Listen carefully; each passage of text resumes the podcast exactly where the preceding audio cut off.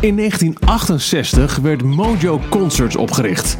150 shows per jaar. Van Avas Live tot Paradiso, van Oosterpoort tot Ziggo Dome. 1 miljoen mensen per jaar kopen een kaartje voor een show georganiseerd door Mojo. Bij al die shows en festivals draait het altijd om de band tussen jou, de bezoeker en de optredende artiest. Maar nooit hoor je het verhaal van de mensen achter de schermen. De mensen die ervoor zorgen dat die artiest naar Nederland komt, dat daar een podium staat en dat jij een kaartje kunt kopen. Wat doen zij? Hoe komt een show, een festival tot stand? Dat hoor je in deze podcastserie. De mensen van Mojo Concerts, de mensen achter de schermen, de mensen die ervoor zorgen dat jij naar een concert kunt gaan, komen aan het woord. Welkom bij 50 jaar Mojo. Hallo, mijn naam is Michiel Veenstra en in deze reeks neem ik je mee achter de schermen van Mojo Concerts, dat dit jaar 50 jaar bestaat. Waar beter te beginnen dan bij de man zonder wie Mojo Concerts überhaupt niet zou bestaan, want hij richtte het op in 1968. Barry Visser. Ik ontmoet hem in het huidige hoofdkwartier van Mojo Concerts in Delft, de stad waar Mojo Concerts ook begon 50 jaar geleden. Hij werkt er niet meer. In 1993 verliet hij Mojo, verkocht zijn aandelen. Maar het dingen op poten zetten, dingen organiseren, dat doet hij nog steeds. Want als ik hem vraag zich aan je voor te stellen, begint hij al gelijk uitgebreid te vertellen over zijn huidige project. Ik ben uh, Barry. Um, en ik, uh, ja, op het moment ben ik uh, druk in de weer met het Madame de Berry Museum hier in Delft. waar op, op, de meeste zondagmiddagen een voorstelling aan de gang is. En dat gaat als volgt. Dat zijn slots om de 10 minuten uh, kunnen vier personen naar binnen. En die worden onder begeleiding van een suppost, uh, zeg maar, door het pand geleid. Ze krijgen dan wel een headphone op. En ze luisteren naar een soort futuristisch sprookje. waar met de verteller, Piet van der Pas, met Madame de Berry, dat, dat is mijn alter ego met uh, Mademoiselle Annabelle. En dat wordt afgewisseld met uh, prachtige muziek. En uh, ze komen in een soort droomwereld. En dat duurt 50 minuten. En dan na 50 minuten staan ze weer op straat. En dat is, ja, er is net een nieuwe website in de lucht. Um, er is een Engelse vertaling klaar. Um, die moet dan worden ingesproken. En uh, dan kunnen ook uh, zeg maar, buitenlanders die de Engelse taalmeester zijn, kunnen het ook meemaken. En dan, ja, dan uh, staat er nog op de rol een Franse vertaling en, enzovoorts. Dus dat is eigenlijk waar ik nu een beetje druk mee in de weer ben. Dat hele idee van mensen vermaken, dat, uh, dat is nooit echt weggegaan, begrijp ik. Nee, dat zat er altijd al in. Ja, vermaken, uh, misschien gaat het ietsje verder. Ze begeesteren, beroeren, ontroeren, uh, plezieren ook natuurlijk. het heeft allerlei lagen. Met meer dan 150 shows en allemaal festivals die nu jaarlijks door Mojo worden georganiseerd, is het bijna niet voor te stellen hoe onontgonnen dit gebied in 1968 was, 50 jaar geleden. Een totaal andere cultuur. En toen was uh, de popmuziek uh, zeg maar nog uh, een subcultuur. En ja, pas na verloop van jaren heeft dat zeg maar een enorme vlucht genomen. En werden de concerten georganiseerd. Ik, ja, het eerste concert was Bob Dylan met Eric Clapton in het Feyenoord. Dat was geloof ik in 19... Even kijken, Kralingen was 1970. Ik denk Bob Dylan was 1978. En zeg maar, dat was het eerste stadionconcert. Toen, uh, 78 pas? 78 pas, volgens mij. Hè? Uh, dat, ja, volgens mij wel. Uh, ho, ho. Even terug. Even terug naar het allereerste begin. Hoe kom je erachter dat het organiseren van een concert iets is wat jou wel ligt? Waarvan je denkt: dit wil ik eigenlijk wel doen. Er zijn natuurlijk meerdere momenten die opbouwen naar zoiets. Maar voor Barry Visser was er één concert waarbij heel duidelijk een vonk oversloeg. Het uh, concert wat ik heb bezocht uh, in het concertgebouw, georganiseerd door Paul Arquette. Ik denk dat dat in 1968 was. Hij had de Bill, het was geloof ik ook nog een dubbelconcert had de Bill Jefferson Airplane en The Doors. Oké. En The Doors, daar was ik, daar was ik helemaal weg van. John Morris met name. En ja, die, die, die, die LP Strange Days met die circushoes. Dat, daar was ik helemaal verliefd op. En ik ben naar dat concert gegaan. En nou ja, het is, het is al onbekend. de Jefferson Airplane trad op. En, en, tijdens hun optreden is Jim Morrison even naar beneden gehold. En weer terug naar de kleedkamer.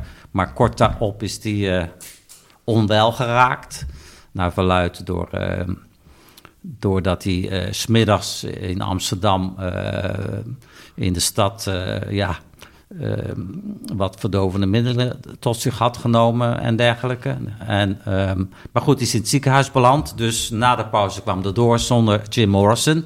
Dus de ziel die was er niet. En het was een ja, lichtelijke deceptie. Maar dat was toch wel een moment dat ik dacht: wauw, dat is leuk. Ja, dat eh, lijkt me leuk om, uh, om, ook, om dit soort dingen te organiseren. En uh, al dus, nou ja, na wat vallen en opstaan, uh, dat moet ik wel zeggen, dat is uiteindelijk gelukt. Barry Visser is dan 21 jaar oud en besluit dus, moh, hier kan ik wel wat mee. Maar waar begin je dan?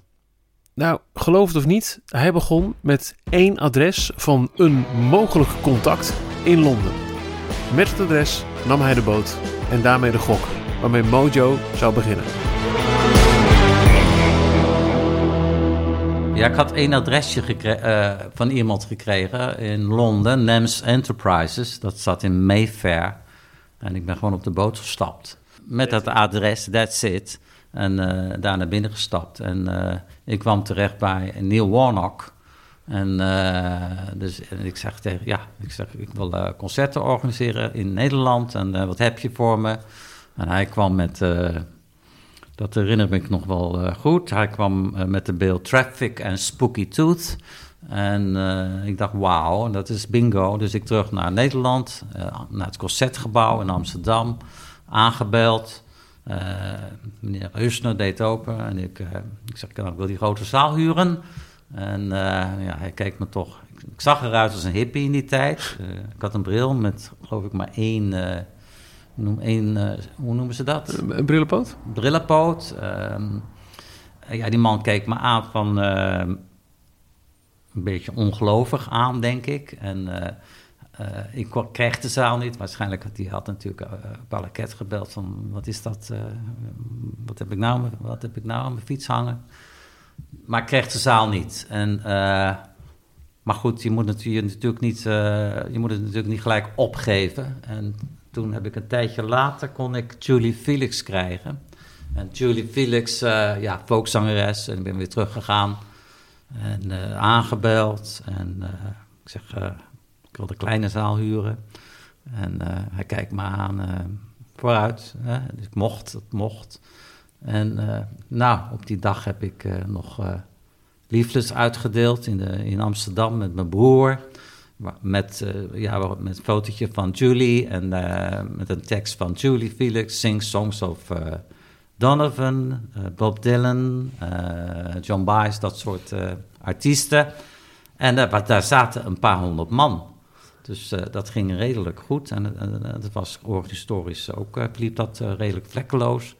En toen kon ik, ja, toen ben ik na een tijdje weer teruggegaan en uh, weer aangebeld. Ik zeg, nou, ik zeg, kan ik nou de grote zaal krijgen?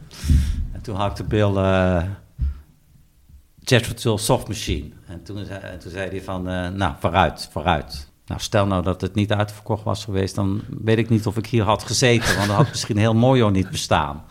Maar ja, en dat was het begin van een, een, een, een van een, een uh, zeker in de beginjaren, een, een, woelig, uh, een woelig bestaan.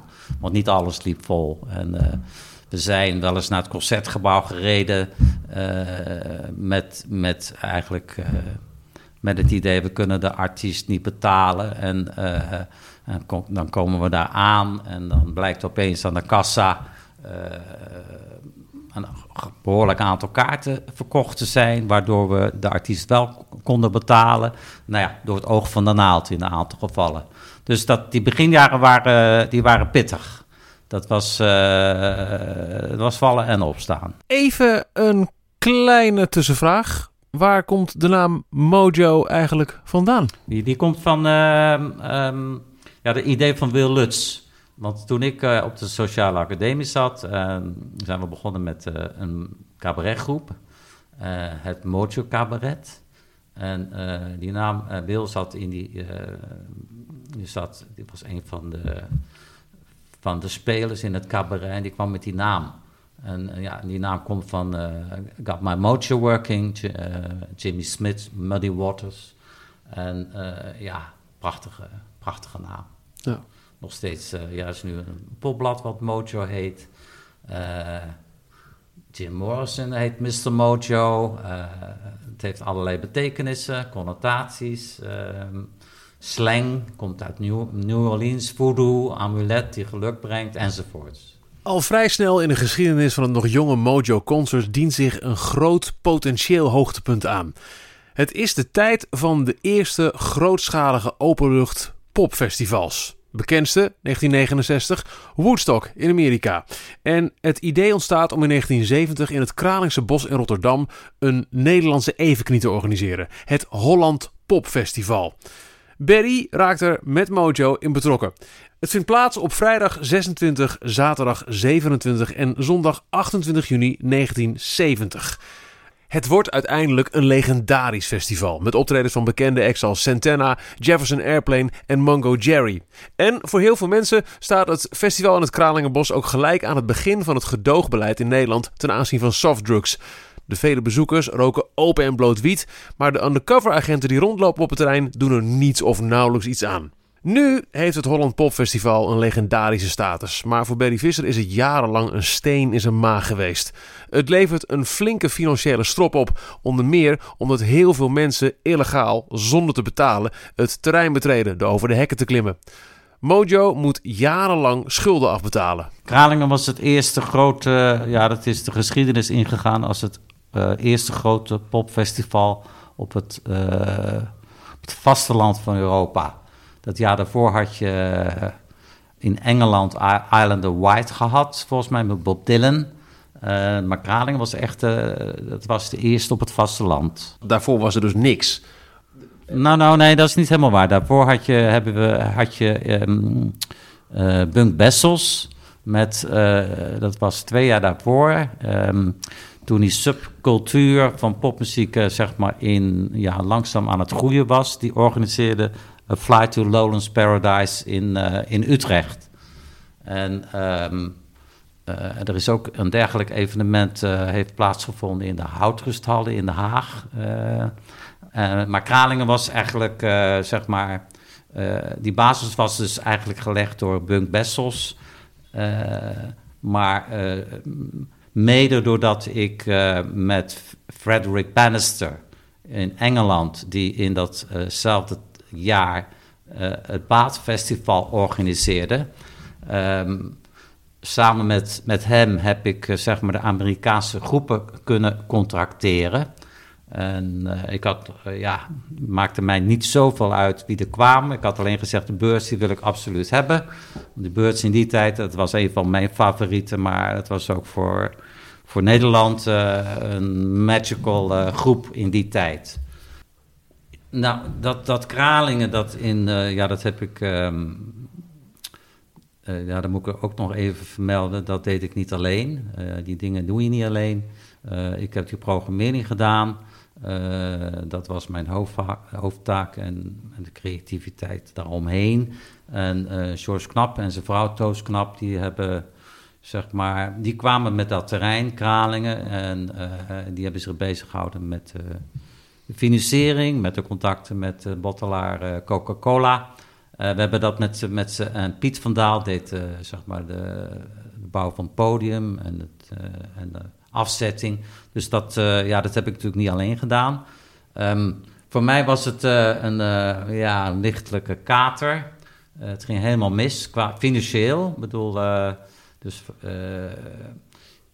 het was eigenlijk het was een stichting. het gebeuren was ondergebracht in, in de Stichting Holland Pop Festival.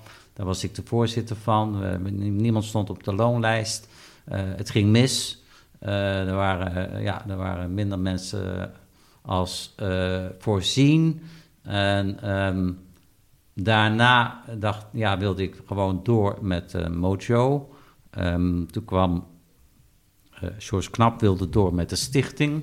Uh, die hadden ook een hoop gevestigd op de film Stamping Ground, die uh, uitgebracht werd na het festival. Dat werd niet zo'n succes als de film van Woodstock. Maar um, in ieder geval, um, de curator, Frits Kernkamp, die vond dat Mojo, ik zeg maar, door dat gebeuren in Kralingen ja, veel goodwill had verworven. En eigenlijk uh, dat ik daar, daarvoor moest betalen. En toen dreigde er beslagen op, de, op concerten die ik deed.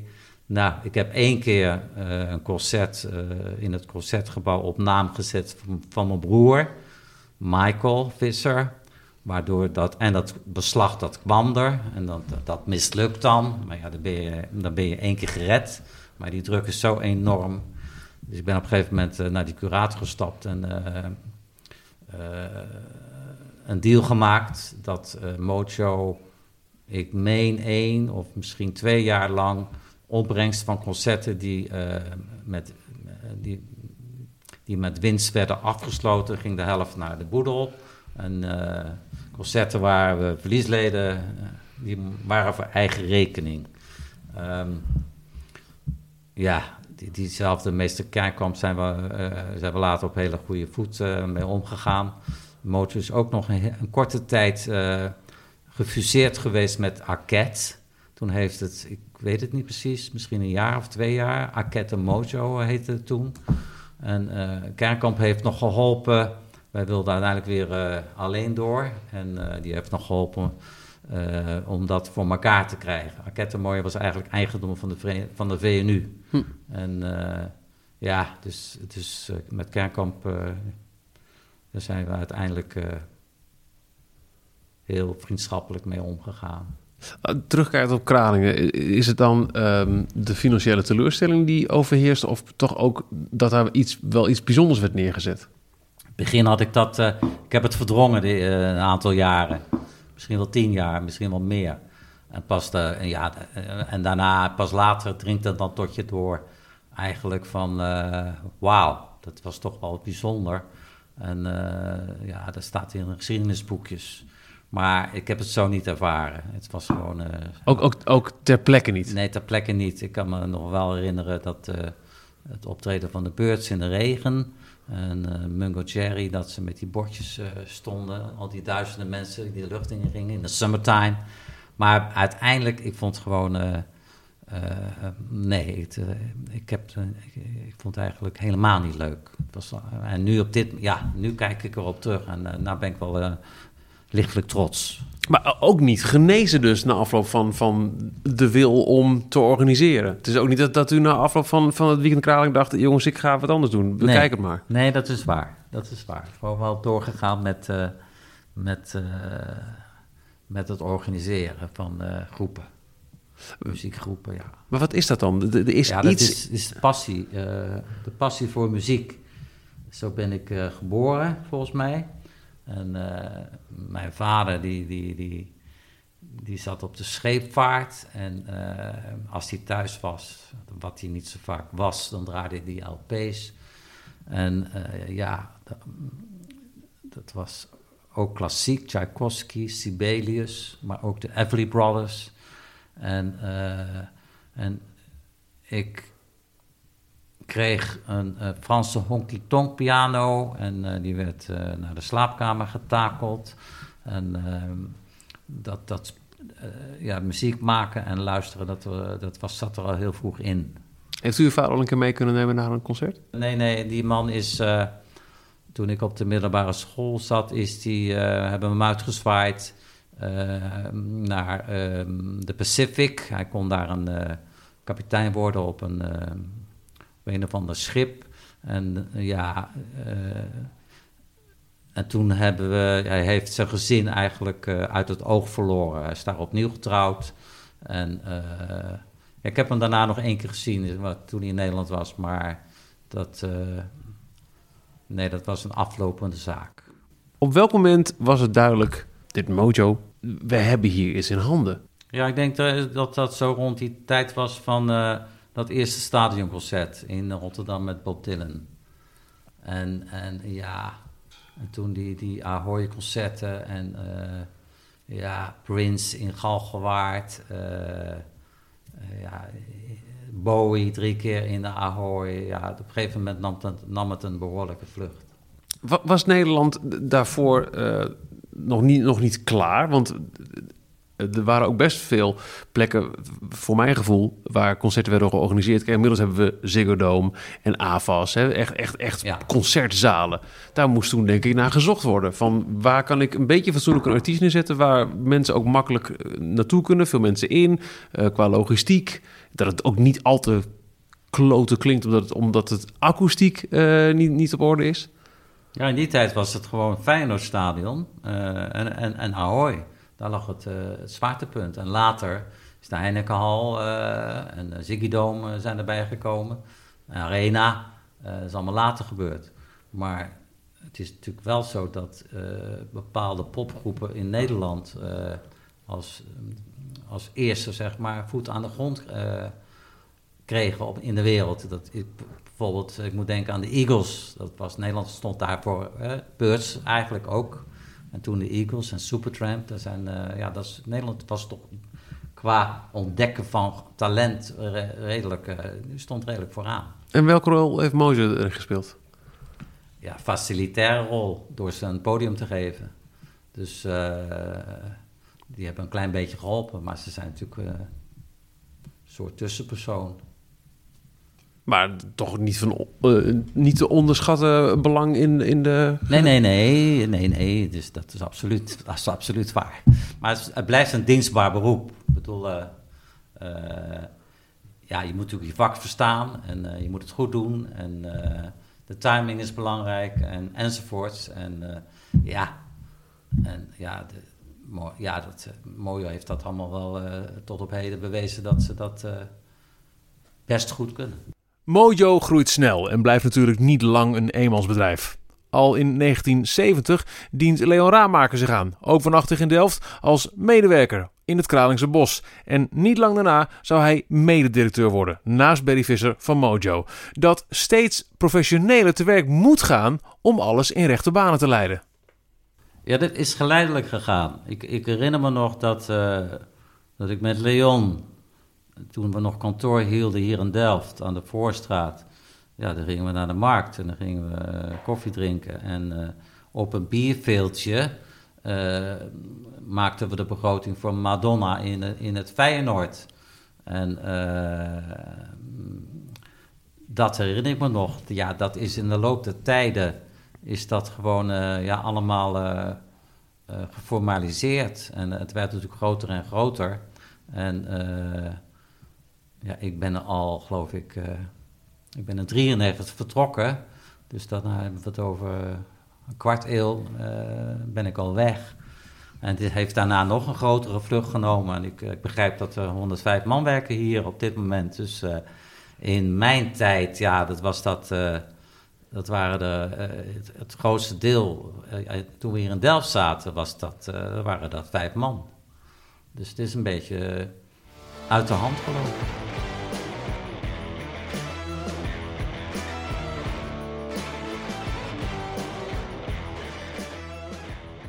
de softmachine uh, in, een, in het begin, uh, die deal was 60-40.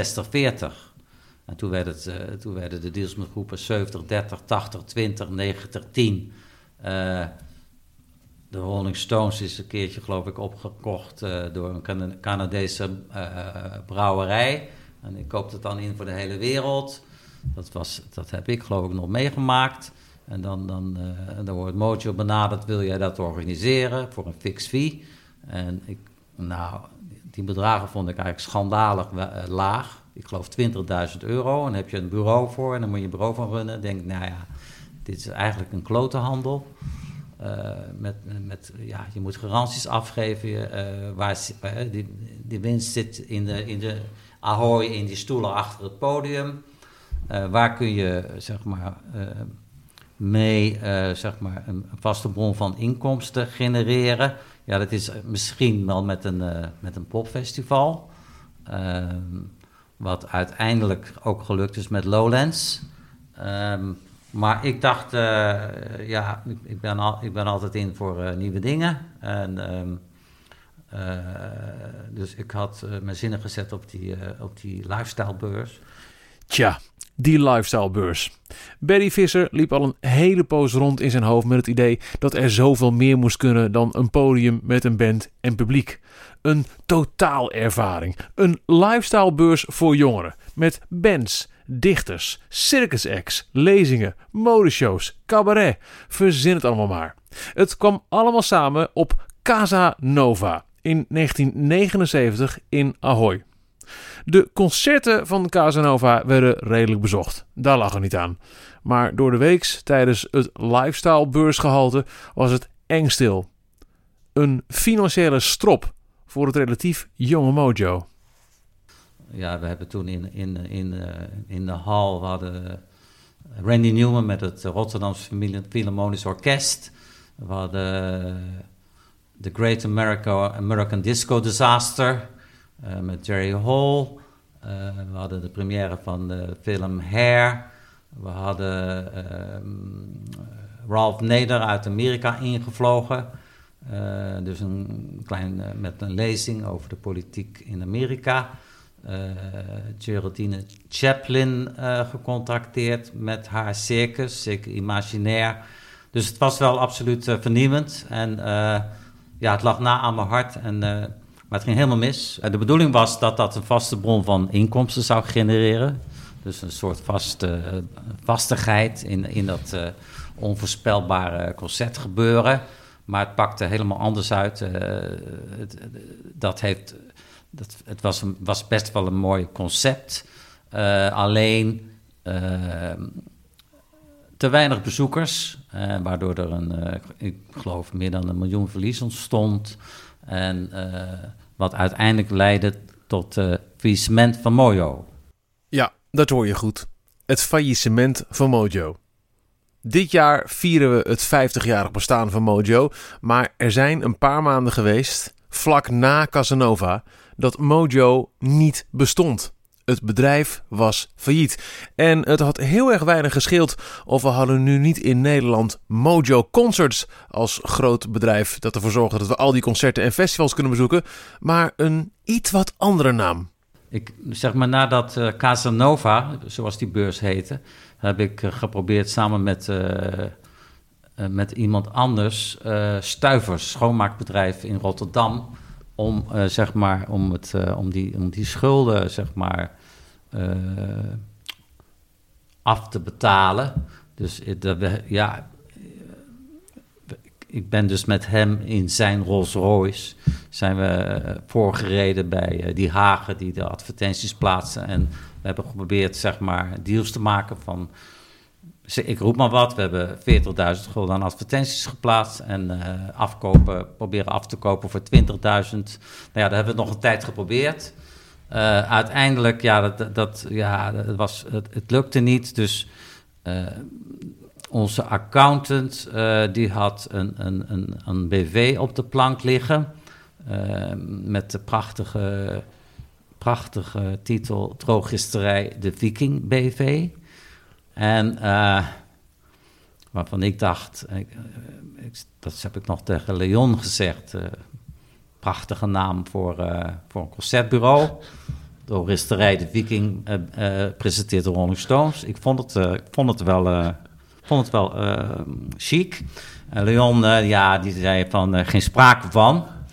Um, ik ben zeg maar op een gegeven moment naar de, de rechtbank gegaan in Den Haag. Die avond daarvoor heb ik me behoorlijk vol laten lopen. En uh, dat faillissement is toen aangevraagd. Um, En we zijn gewoon doorgegaan met die drogisterij, de Viking BV. die naam, Leon is toen naar de curator gegaan en heeft ja, heel snel die naam voor een paar duizend gulden teruggekocht. Dus misschien in, in die 50 jaar Mojo, ik weet niet, uh, ja, misschien dat een paar weken uh, het niet Mojo was, maar droge strijden Viking. Het mislukken van Casanova is een keerpunt voor Barry. De lifestylebeurs met meer dan alleen een paar optredens was echt een geesteskind van hem. En het zal hem voor goed veranderen in hoe hij Mojo runt. Ja, het lag na aan mijn hart en uh, maar het ging helemaal mis. En uh, sinds zeg maar, dat debakel ben ik eigenlijk voorzichtiger geworden in Mojo. En Leon, uh, die, is, ja, die had daar volgens mij minder last van. En als, ja, door hem, onder andere is Lowlands doorgegaan. Want ik, in dat jaar ben ik weggegaan. Ja, 93. maar ik herinner me nog die eerste dagverkoop van Lowlands. En die was zo belabberd. Dus ik heb ben een van de ja, ik, ik, heb gewoon geroepen daar, hier in dit kantoor, van uh, cancelen die hap. Dit, uh, dit gaat veel te veel geld kosten. En, uh, maar Leon, met name Leon en andere mensen, die zeiden nee, niks cancelen. Dus dat is me goed ook, hè. Maar ja, ik was, ik dacht, daar gaan we weer. Dus, maar het is goed afgelopen met Lowlands. Hoe was de dynamiek tussen u en Leon? Wat was de rolverdeling tussen, tussen beide? Ja, het ging vanzelf dat, dat ging helemaal vanzelf. Er werd, uh, ik weet het niet. Uh, we deden alle twee ons ding. En uh, in het begin had ik al de contacten met, met de managers. En ja, op een gegeven moment hoefde ik minder. Ik, ging mij, ja, bij mij sloeg er ook wel een soort van verveling toe. Twintig keer. Um, met Randy Newman het land in en daar zo'n hele dag in zijn zaal rondhangen en, en zorgen dat de boel draait. Ja, dit is niet mijn ding. En productie, daar krijg ik wel helemaal een hartverzakking van. Ik heb gewoon twee linkerhanden. Dus daar bak ik helemaal niks van. Dus, dus ik, ik, moet het, uh, ik moet het hebben van uh, creativiteit. En daar, daar, daar moet ik mijn ei in kwijt. En dat is gelukt. Uh, met Pandora Music Box en, en Amo de Wien is dat, is, dat, is dat goed gelukt. En bij Casanova ook, alleen dat liep verkeerd af. Maar ja, dat is eigenlijk ook de reden waarom, ondanks het feit dat er heel goed verdiend werd, ik, ik, ja, ik, daar, ik ben toch weggegaan en mijn aandelen heb verkocht. Ja, nee, wacht. Daar komen we zo op. 1993, als Barry Visser zijn mojo verlaat. Maar wat je net al hoort, ondanks het mislukken van Casanova, komt er nog een nieuw concept. Sterker nog, twee nieuwe concepten, waarin veel meer te beleven valt dan een artiest op een podium. Pandora's Music Box in 1983, 84 en 85 en Ein Abend in Wien in 1991 laten wederom zien dat Barry Visser meer wil dan het organiseren van een concert. Hij is op zoek naar belevenissen. Uh, dat was eigenlijk een voorloper van Lowlands. Uh, in die zin dat daar uh, een programmering was van, laten we zeggen, punkbands, vooruit, een beetje vooruitstrevende uh, groepen. En wat die meer zei, wat die programmering werd met name gedaan door Willem Venema. En, um, maar wat ik met Michel Weisvis eigenlijk gedaan hebben is um, dat, zeg maar, die, die, die concerten in de kleine zaal, de grote zaal van de doelen. Daaromheen hebben we een hele andere wereld geschapen. Met, met, dat noemden wij verschijnselen waar je omheen kon lopen. En, uh, en dat, dat, ja, die hebben we met z'n tweeën bedacht. Uh, bij de eerste, de eerste editie van Pandora's Music Box hebben we alleen gezegd: er komen verschijnselen. We hebben niet gezegd wat.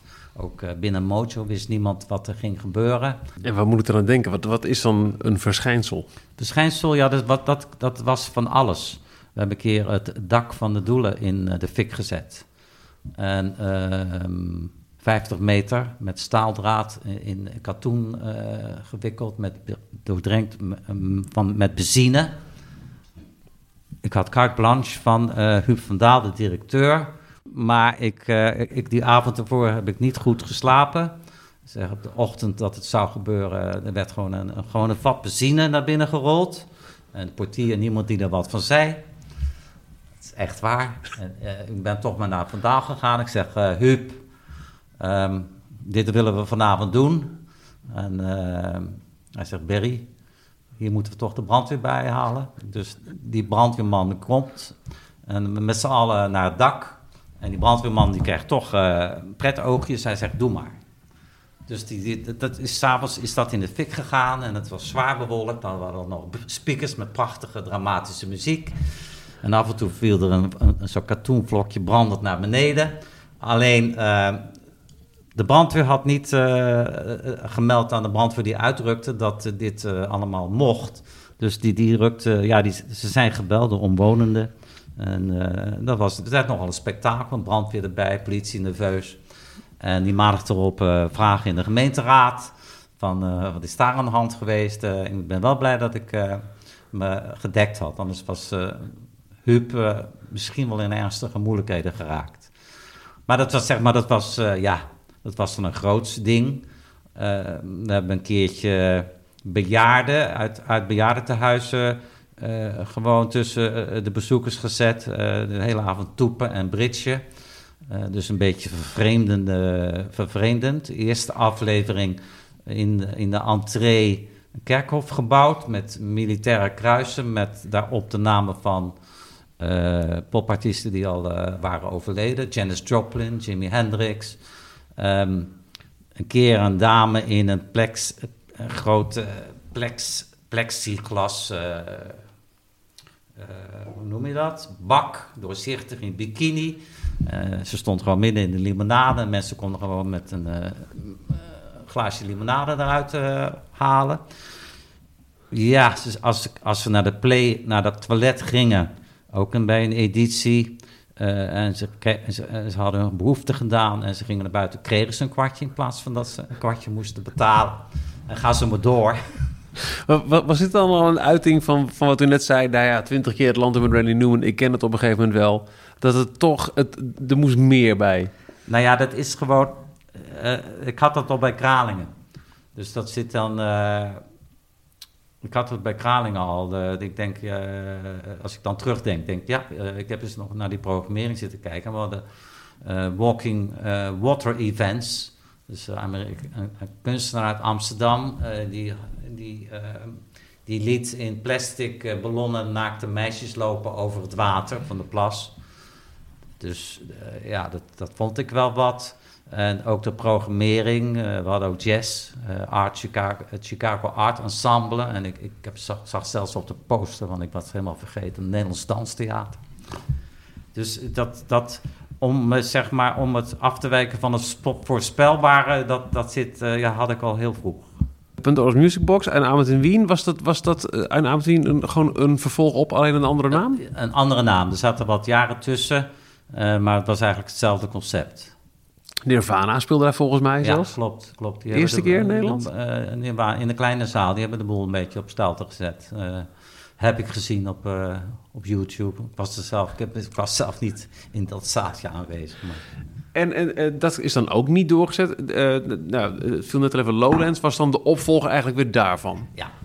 Dus Lowlands, ja, als het aan mij had gelegen was, dan was uh, als Lowlands nu niet bestaan.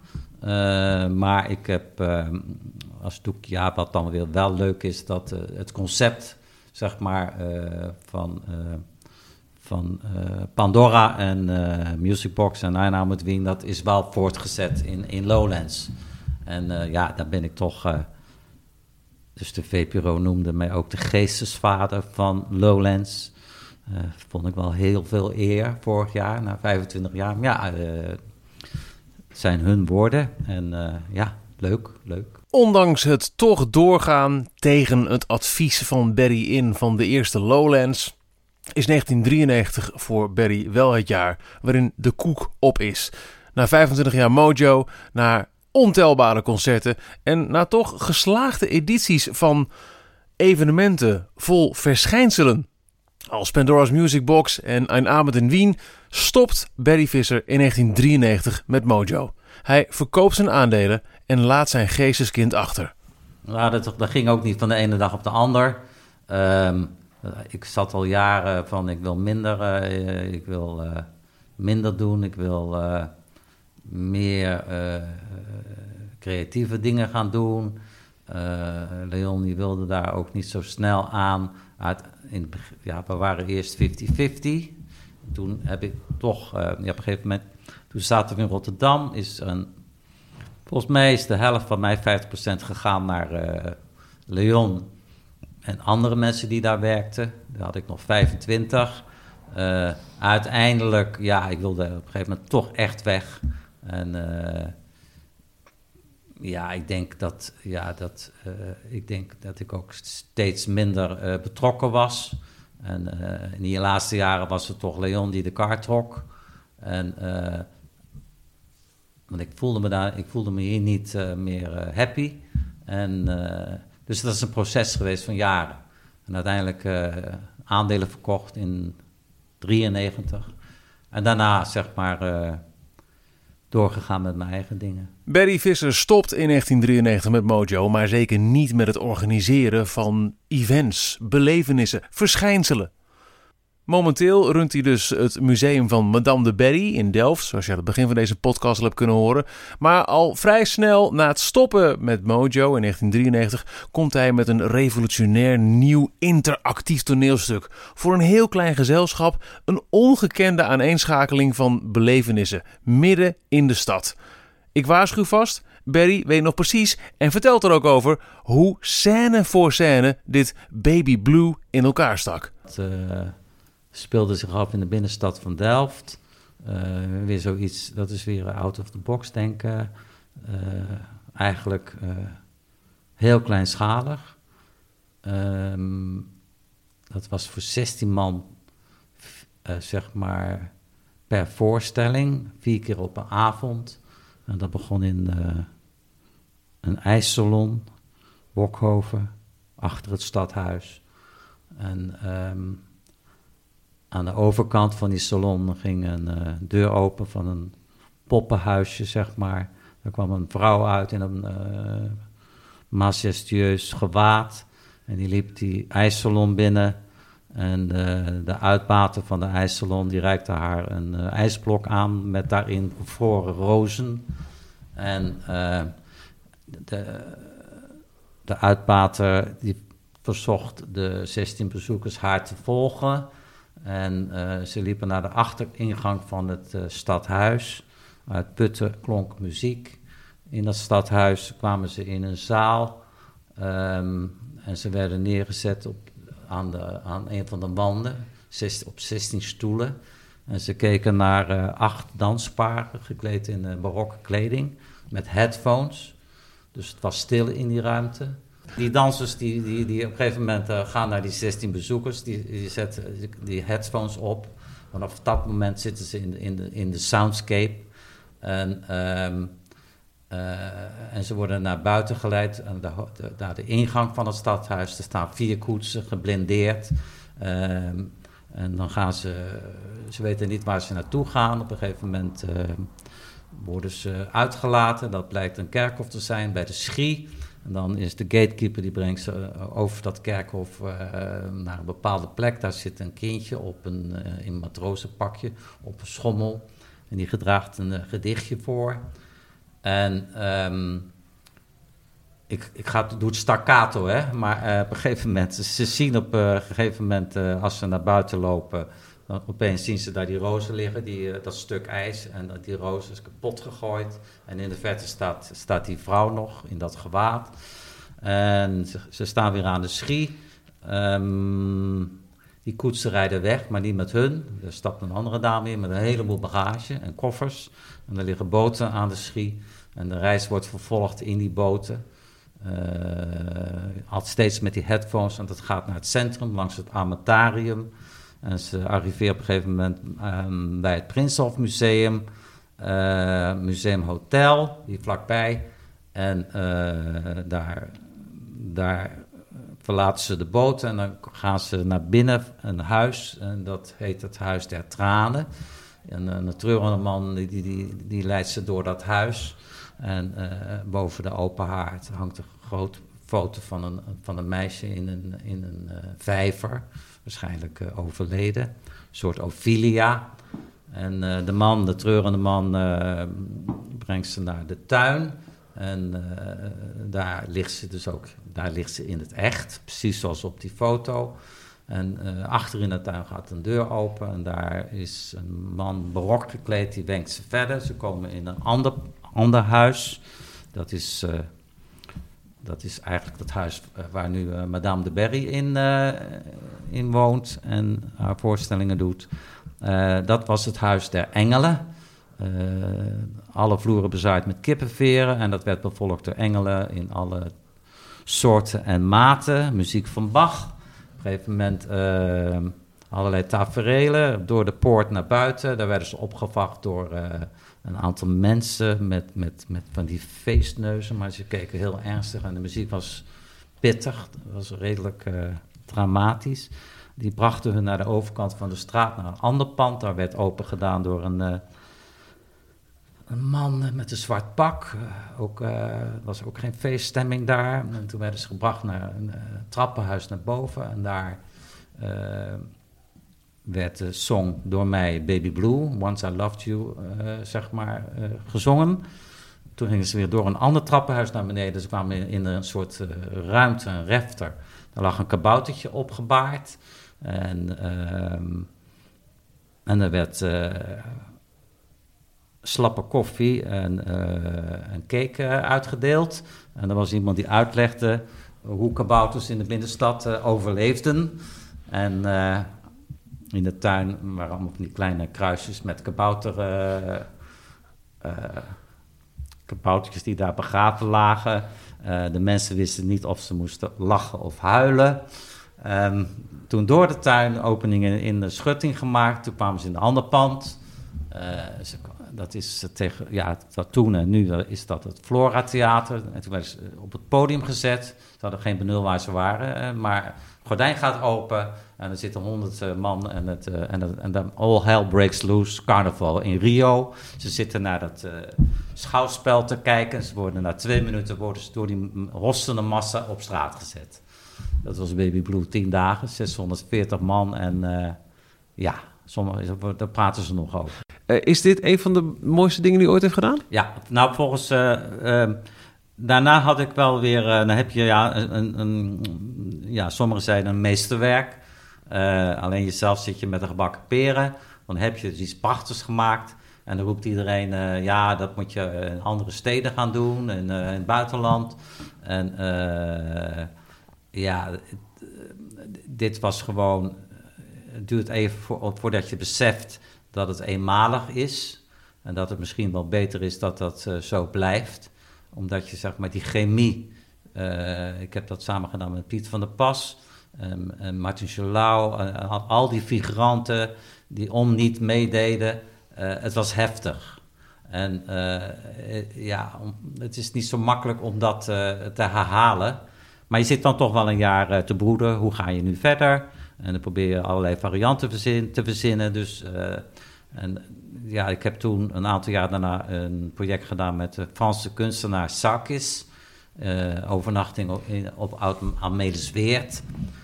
Best ook wel oké. Alleen dan, ja, dat, het, wordt nu minder. Maar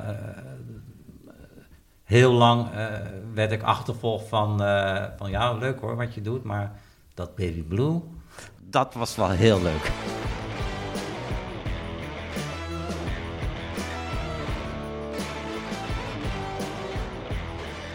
Ik zie Leon een paar keer per jaar en dan, dan, dan, uh, dan roddelen we en dan, dan, dan, ja, dan, dan praten we bij. Ja, dus het, is, dat is niet, het is natuurlijk niet, ik, kom hier niet elke dag. Ik kom hier bijna nooit meer. Ik heb gewoon, denk ik, een redelijke overdosis gehad in die, in die 25 jaar.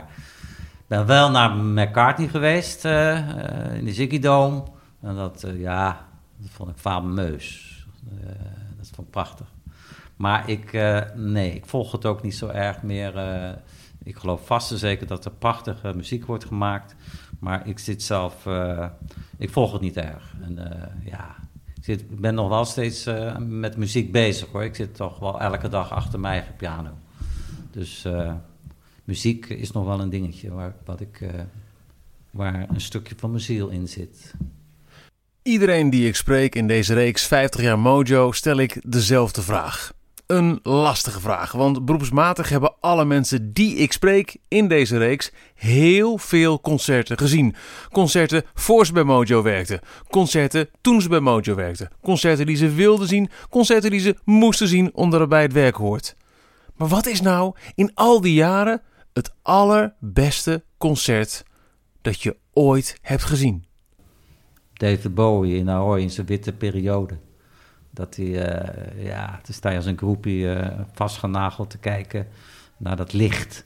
Uh, hij in een wit pak, neon, filmlampen, alles wit. En ik denk, ja, dat theatrale, dat, dat, dat, dat spreekt tot mijn verbeelding. Prince de eerste keer in Galgenwaard, We're Something Pink. En die opkomst, ja, magisch. Dus dat, dat zijn wel hoogtepunten. We vieren 50 jaar Mojo Concerts en ik zit tegenover de man door wie het allemaal begon, Barry Visser. Zonder hem geen Mojo. En Mojo staat in Nederland inmiddels synoniem aan concerten, festivals. Je kunt je bijna niet voorstellen, maar er is geen Nederlander te vinden die niet ooit een Mojo-event heeft bijgewoond. Is Barry Visser zich bewust van zijn invloed op het Nederlandse cultuurbeeld? Ja, het zal, ik zal best uh, mijn, uh, daar uh, mijn steentje toe hebben bijgedragen. Maar ja, die, ja, je bent onderdeel, je doet het niet alleen. Dus dat is zo klaar klontje. Ja, als je dat soort termen als belangrijk dat doen, ga, ik, ja, ik, ga daar niet, ik ga daar niet over. Dat, dat oordeel moeten anderen maar vellen. Het bestaan is natuurlijk niet zo prettig. En het is natuurlijk heel leuk als je, zeg maar, als je, uh, ja, dat heb ik als ik naar, naar de bioscoop ga. Dat is, mij, dat is ook een van de dingen. Ik, ik ga niet zo gauw naar het theater, ik ga wel naar de film. Het is prachtig, je komt uh, 2,5 uur mee naar een andere wereld. En ja, kijk dan met, ik vind dat fantastisch, dat medium film. Maar wat, wat ik doe is met die voorstelling, ja, dat is, ook, dat is dan ja, weer wat anders. Maar prachtig als mensen daar heel blij en zeg maar weer na 50 minuten op straat staan dat is, ja, dat is, dat is mooi om te doen. Barry Visser, oprichter van Mojo Concerts. Tot zover deze eerste aflevering van de reeks 50 jaar Mojo. Deze podcast is er elke twee weken met een nieuwe aflevering, waarin je in elke aflevering een van de kopstukken of juist een van de mensen die je nog nooit eerder aan het woord hebt gehoord van Mojo hoort over hun werk. Het brengen van concerten, festivals en events. Wil je geen aflevering missen? Vergeet je dan niet in je favoriete podcast app te abonneren. Graag tot de volgende aflevering.